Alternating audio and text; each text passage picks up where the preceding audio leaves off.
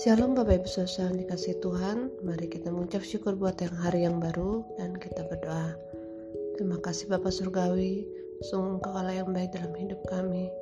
Hari lepas hari engkau memelihara kami Engkau menopang kami Engkau mencukupkan kebutuhan kami Engkau memberkati kami. Biarlah Tuhan hari ini pun kami mau jalani bersama-sama denganmu Hadirlah dalam hidup kami Hadirlah dalam keluarga kami pekerjaan, sekolah kami, dan segala rencana-rencana kami. Dan biarlah firman pagi ini akan menuntun kami, menolong jalan kami Tuhan, supaya kami tetap ada dalam kebenaran. Terima kasih Bapak kami ucap syukur dalam nama Yesus. Haleluya. Amin.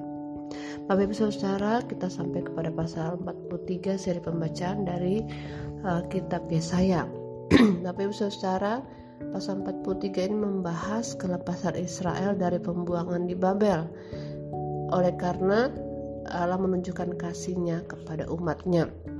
Dan Bapak Ibu Saudara, Yesaya pasal 43 ini menunjukkan bagaimana kemurahan Allah atas bangsa Israel. Yang mana kita ketahui bahwa mereka akan masuk dalam pembuangan. Namun terus melalui para nabi, salah satunya Yesaya, Allah mengingatkan akan uh, kasihnya kepada bangsa ini. Di ayat 1 kita melihat ayat ini tetapi sekarang beginilah firman Tuhan yang menciptakan engkau hai Yakub yang membentuk engkau hai Israel. Janganlah takut sebab aku telah menebus engkau. Aku telah memanggil engkau dengan namamu. Engkau ini kepunyaanku. Jadi seolah-olah saya mempersiapkan bangsa ini untuk masuk ke dalam situasi berat di masa yang akan datang yang mereka akan hadapi dalam pembuangan. Dan memberi keyakinan kepada mereka jangan takut. Ya mengapa kita tidak perlu takut ketika akan menghadapi masa depan atau apa yang akan terjadi ke depan yang kita belum pernah ketahui? Saudara eh, firman Tuhan katakan ya Allah memberi jaminan bahwa aku telah menebus engkau kepada orang Israel Allah mau mengingatkan kembali bahwa di masa yang lampau aku telah menebus engkau. Menebus bicara tentang menyelamatkan, melepaskan dan itu diperkuat kembali dengan ayat-ayat sesudahnya yang menunjukkan bagaimana Allah telah berkarya melepaskan mereka dari uh, dari perbudakan di Mesir. Dan di pasal 43 ini melalui Nabi Yesaya Allah menegaskan kembali, jangan takut hai Israel, aku telah menebus engkau yang kedua, aku telah memanggil engkau dengan namamu. Engkau ini kepunyaanku. Menurut saya Bapak Ibu Saudara, ayat ini seperti kalimat daripada seorang tua kepada anaknya, seorang bapak kepada anaknya. Aku telah menyelamatkan engkau, menebus engkau. Aku ini memanggil engkau dengan namamu. Mengapa? Karena engkau adalah kepunyaanku. Amin. Dan perkataan Allah, saya ini merupakan sebuah jaminan bahwa ia akan tetap menebus atau menolong bangsa Israel. Ia tetap memegang bangsa Israel oleh karena mereka ini adalah kepunyaan Allah. Demikian juga firman ini datang kepada kita Bapak Ibu Saudara, janganlah takut akan hari yang esok. Sebab apa? Sebab kita telah mengalami pertolongan-pertolongan Tuhan. Tuhan telah menebus kita, amin. Tuhan telah menyelamatkan kita di masa yang lampau. Oleh sebab itu, menghadapi masa ke depan, kita tidak perlu takut sebab ada Dia. Dan Dia Allah yang mengenal kita, Allah yang memanggil kita dengan nama nama kita. Artinya ada sebuah kedekatan, saudara. Bapak Ibu, ketika kita pergi ke rumah makan atau pergi ke tempat umum, tentunya kita tidak mengenal semua orang. Contoh ketika kita mau memesan makanan, kita panggil Mbak, atau kak atau bang saya mau pesan ini. Mengapa kita menyebut mereka demikian? Karena kita tidak mengetahui namanya. Ini bicara soal hubungan ya. Ketika Allah mengatakan kepada bangsa Israel dan kepada kita bahwa ia memanggil kita dengan nama nama kita ini bicara soal hubungan yang dekat. Mengapa? Karena Allah menegaskan kita ini adalah kepunyaannya. Kita ini adalah ciptaannya kita ini adalah anak-anaknya amin oleh sebab itu janganlah takut menghadapi hari esok Kemudian di ayat 2 dan seterusnya, apabila engkau menyeberang melalui air, aku akan menyertai engkau. Melalui sungai engkau tidak akan dihanyutkan. Berjalan melalui api engkau tidak akan dihanguskan. Nyala api tidak akan membakar engkau. Sebab akulah Tuhan Allahmu yang maha kudus, Allah Israel, juru selamatmu. Aku menebus engkau dengan Mesir dan memberikan Ethiopia dan Sheba sebagai gantimu oleh karena engkau berharga di mataku dan mulia, dan aku ini mengasihi engkau, maka aku memberikan manusia sebagai gantimu dan bangsa-bangsa sebagai ganti nyawamu. Ayat 5, janganlah takut sebab aku menyertai engkau. Aku akan mendatangkan anak cucumu dari timur, aku akan menghipur engkau dari barat. Aku akan berkata kepada utara, berikanlah, dan kepada selatan, janganlah tahan-tahan Bawalah anak-anakku laki-laki dari jauh, anak-anakku perempuan dari ujung bumi. Semua orang disebutkan dengan namaku, yang kuciptakan untuk kemuliaanku, yang kubentuk dan yang kujadikan. Bapak Ibu Saudara, ayat 2 dan eh, sampai ayat 7 kembali menegaskan apa yang Allah uh, jaminkan di ayat yang pertama. Ketika ia mengatakan engkau menyeberang melalui air, aku akan menyertai sungai, melalui sungai, engkau tidak akan hanyut melalui api, engkau tidak akan dihanguskan. Ini bicara tentang perbuatan-perbuatan Allah. Bagaimana pertolongannya atas bangsa Israel di masa yang lampau dan ia akan tetap melakukan pertolongannya di masa yang akan depan. Amin. Dan ini juga berlaku kepada kita. Mungkin kita akan melalui air, kita akan melalui sungai, kita akan ada seperti api. Dan ini bicara tentang tantangan-tantangan yang uh, mungkin akan datang ke depan. Tetapi firman Tuhan sekali lagi datang kepada kita. Allah kita adalah Allah juru selamat. Ayat 3 sebab akulah Tuhan Allahmu yang maha kudus. Allah Israel juru, juru selamatmu amin. Ayat 4 karena engkau berharga di mataku. Ini adalah sebuah sebuah janji Allah dan seperti pernyataan isi hati Allah bahwa sejahat-jahatnya bangsa Israel kepada Allah, seberontak-berontaknya mereka kepada Allah, bahkan Allah sampai harus merancangkan mereka akan di, dihukum melalui pembuangan. Tapi Allah mengatakan bagaimanapun nak, engkau tetap berharga di mataku. Aku ini mengasihi engkau. Dan Tuhan izinkan bangsa Israel nantinya akan dimasukkan ke dalam pembuangan. Itu semua adalah bagian dari rencana Allah untuk memurnikan bangsa Israel. Dia sendiri mengatakan ayat 3, Akulah Tuhan Allahmu yang maha kudus. Dan itu yang selalu Allah katakan ya.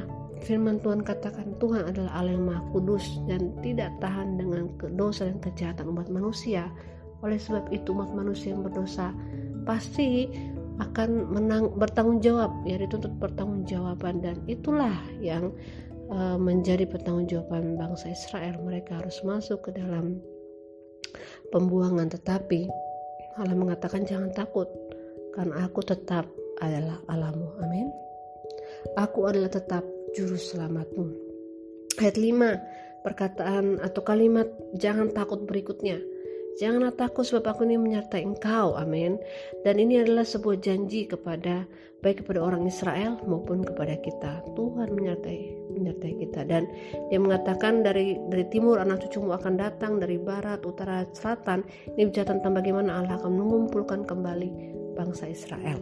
Walaupun nanti mereka akan tersebar ke sana sini. Dan ayat 8 dan seterusnya ini bicara tentang Israel menjadi saksinya Tuhan ya. Dan uh, Bapak Ibu silakan baca di rumah bagaimana kerinduan Allah adalah melalui pengalaman hidup bangsa Israel. Mereka itu menjadi saksi akan keberadaan Tuhan dalam hidup mereka. Eh 10 kamu nyalah saksi-saksiku, demikianlah firman Tuhan, dan hambaku yang telah kupilih, supaya kamu tahu dan percaya kepadaku, dan mengerti bahwa aku tetap dia, Sebelum aku tidak ada Allah dibentuk dan sesudah aku tidak akan ada lagi. Bangsa Israel selalu mendukakan Tuhan dengan mencari Allah-Allah yang lain, ilah-ilah yang lain, menyembah kepada patung dewa-dewa. Padahal hukum Taurat sudah jelas mengatakan, Akulah Tuhan Allahmu yang membawa engkau keluar dari Mesir. Jangan ada padamu Allah lain di hadapanku. Tuhan tidak mau diduakan Bapak Ibu Saudara. Manusia saja tidak mau diduakan apalagi Tuhan Namun kejahatan bangsa Israel adalah menomorduakan atau menduakan Tuhan dengan apa mereka menyembah kepada Allah-Allah atau ilah-ilah lain juga Bapak Ibu Saudara. Dan Allah mau melalui pengalaman bangsa Israel yang akan masuk ke dalam pembuangan namun akan mengalami pertolongan Allah. Tuhan mau mereka ini menjadi saksi-saksi kebesaran Allah, menjadi saksi-saksi hidup daripada Allah. Pertama-tama Allah mau mereka percaya kembali kepada Allah. Lalu kemudian mengerti bahwa Allah tetaplah Allah. Sebelum Allah tidak ada Allah lain dibentuk dan sesudah Allah kita tidak akan ada lagi. Ayat 11, aku akulah Tuhan dan tidak ada juru selamat selain daripadaku. Allah menegaskan bahwa hanya dialah sumber pertolongan, sumber keselamatan, tidak ada yang lain daripada daripada ia. Akulah yang memberitahu kamu menyelamatkan dan mengabarkan, bukannya Allah asing yang ada di antaramu. Kamulah saksi-saksiku. Demikian firman Tuhan, dan akulah Allah. Juga seterusnya aku tetap dia dan tidak ada yang dapat melepaskan dari tanganku. Aku melakukannya, siapakah yang dapat mencegahnya? Di ayat 12 Allah mengatakan, membongkar kembali dosa bangsa Israel, ada Allah asing di antara mereka. Ada sesembahan yang lain, ada pribadi lain yang mereka sembah dan Allah mengatakan tidak ada menegaskan sekali tidak ada yang lain selain aku selain Allah yang kita sembah. Ayat 14 Beginilah firman Tuhan penebusmu yang maha kudus Allah Israel. Oleh karena kamu aku mau menyuruh orang orang ke Babel Dan mau membuka semua palang pintu penjara Dan sorak-sorai orang Kasim menjadi keluh kesah. Ayat 14 ini uh, berbicara tentang bagaimana nanti Allah akan melepaskan melepaskan bangsa Israel daripada pembuangan ke, ke Babel. Jadi walaupun Tuhan izinkan mereka didisiplin dengan dibuang ke Babel, ya mengapa? Bukan karena Allah jahat, tetapi karena orang Israel yang jahat kepada Allah. Tetapi janji kelepasan, janji pengampunan, pertolongan itu dinyatakan terus-menerus kepada bangsa Israel bahwa mereka akan dilepaskan dari pintu-pintu penjara Ayat 15 sekali lagi Tuhan menegaskan kekudusannya. Akulah Tuhan yang Maha Kudus Alamu, Rajamu yang menciptakan Israel. Tuhan menegaskan dia adalah Allah yang kudus dan dia menegaskan bahwa dialah pencipta bangsa ini, saudara. Dan kemudian ayat 18 firmannya janganlah ingat-ingat hal-hal yang dahulu Janganlah perhatikan hal, -hal yang dari zaman purbakala Lihat aku membuat sesuatu Aku hendak membuat sesuatu yang baru yang sekarang sudah tumbuh, belumkah kamu mengetahuinya? Ya, aku hendak membuat jalan di padang gurun dan sungai-sungai di padang belantara. Tuhan mau bangsa Israel memandang ke depan bahwa akan ada pertolongan Tuhan. Tuhan mau melihat bangsa ini ada perubahan, ada pembaharuan ketika mereka mau masuk dalam prosesnya Tuhan ayat 22 sampai 28 menunjukkan bagaimana janji akan uh, pengampunan atas dosa-dosa Israel. Ayat 22 Engkau tidak memanggil aku hai Yakub, engkau tidak bersusah-susah karena aku hai Israel. Engkau tidak membawa domba korban bakaran bagi aku dan tidak memuliakan aku dengan korban sembelihanmu. Ayat 24. Engkau tidak membeli tebu wangi bagiku dengan uang atau mengenyangkan aku dengan lemak korban sembelihanmu, tetapi engkau memberati aku dengan dosamu engkau menyusahi aku dengan kesalahanmu. Yang menjadi kewajiban bangsa Israel ini mereka tidak lakukan. Mereka tidak membawa domba korban bakaran kepada Allah. Mereka tidak sungguh-sungguh dalam ibadah mereka. Tetapi malahan mereka ini memberati Tuhan dengan dosa mereka yang mereka tunjukkan kepada Allah bukan pengabdian mereka, bukan doa mereka, bukan ketulusan mereka membawa persembahan kepada Tuhan tetapi menunjukkan ini beratnya dosa mereka. Tetapi kasih Allah yang besar, kemurahan Allah dinyatakan sekali lagi dengan yang mengatakan di ayat 25 Aku, akulah dia yang menghapus dosa pemberontakanmu oleh karena aku sendiri dan aku tidak mengingat-ingat dosamu. Allah menyuruh mereka untuk tidak mengingat-ingat hal yang dari zaman purba kala. Oleh karena Allah sendiri tidak mengingat-ingat dosa mereka, tidak mengingat hal yang lalu. Allah mau umatnya untuk memandang ke depan dan mengharapkan pertolongan daripada Tuhan ia meyakinkan bahwa dialah Allah yang menghapus dosa pemberontakan. Amin Bapak Ibu Saudara. Jadi Bapak Ibu Saudara, mari kita bergantung atau berfokus hanya kepada Tuhan. Kita tidak tahu apa yang ada di depan, atau mungkin kita sudah tahu ada hal-hal yang harus kita pertanggungjawabkan di hadapan Tuhan tetapi mari berbalik kepada Allah kita amin itu adalah langkah terbaik yang bisa kita lakukan di saat kita akan menghadapi masa yang akan datang berbalik kepada Tuhan jangan takut kata firman Tuhan karena Tuhan telah menebus kita Tuhan telah melakukan pertolongannya pengampunannya penebusannya di masa yang lalu dan ia akan menyatakannya lagi hari ini, esok dan selama-lamanya. Amin. Asal kita mau kembali, asal kita mau bertobat, asal kita mau menyesal akan dosa-dosa kita. Sebab kita adalah kepunyaannya dan Tuhan mau melalui peristiwa hidup kita, kita menjadi tahu, lebih tahu, lebih percaya dan lebih mengerti bahwa Allah adalah Allah, tidak ada satu-satunya selain Ia. Dan ia mau kita menjadi saksi yang menyatakan kebesarannya dalam hidup kita saudara. Dan Tuhan juga menunjukkan bahwa seberapapun besar dosa kita ia adalah Allah yang sanggup mengampuni. Ia adalah Allah yang tidak mengingat-ingat dosa kita. Mari Bapak Ibu Saudara kebenaran ini membuat kita belajar untuk tetap merendahkan diri di hadapan Tuhan. Dalam segala situasi mencari Tuhan, bertobat dan membangun iman kita lebih sungguh lagi kepada Allah kita. Apa pun situasi yang uh, sedang kita hadapi atau yang akan kita hadapi ke depan. Tetap Tuhan itu baik, tetap Tuhan itu mengasihi, tetap Tuhan itu Allah yang berkuasa menolong. Amin. Mari kita satu dalam doa. Terima kasih Bapak Surgawi, kami sungguh mengucap syukur akan kebaikan dan kemurahan-Mu dalam hidup kami.